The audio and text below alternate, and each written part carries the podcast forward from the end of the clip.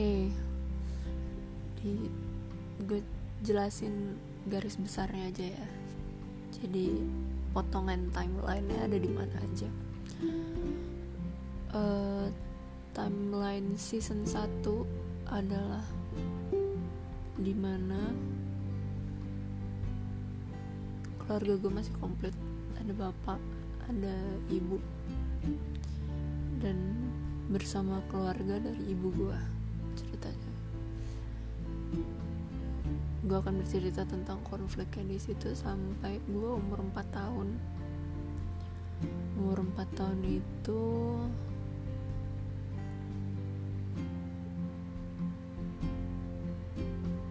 season 1 akan berhenti di mana um, almarhum ibu gue meninggal. Berhenti sampai situ nanti di episode 2 eh di episode di season 2 gue akan ceritakan mencoba mengingat apa saja yang terjadi di antara gue umur 4 dari mulai ibu meninggal sampai gue SD kelas 2 ini tuh part terakhir kelas 2 tuh benar-benar kelas 2 mau kenaikan kelasnya nanti season ketiga kan gue ceritakan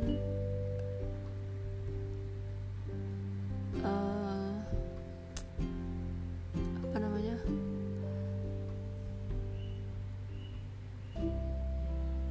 Perjalanan gue selama dari kelas 2 sampai kelas 6 SD sampai SD aja. Season berikutnya semoga konsisten. Oke okay, berarti season berikutnya hmm, 4 ya?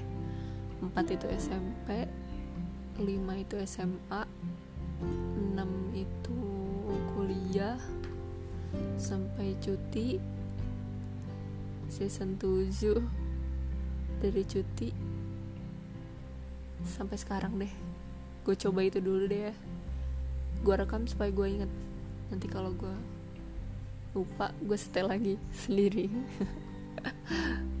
Podcast sendiri nyetel sendiri denger dengerin sendiri. Ya udah. Itu dulu. Timeline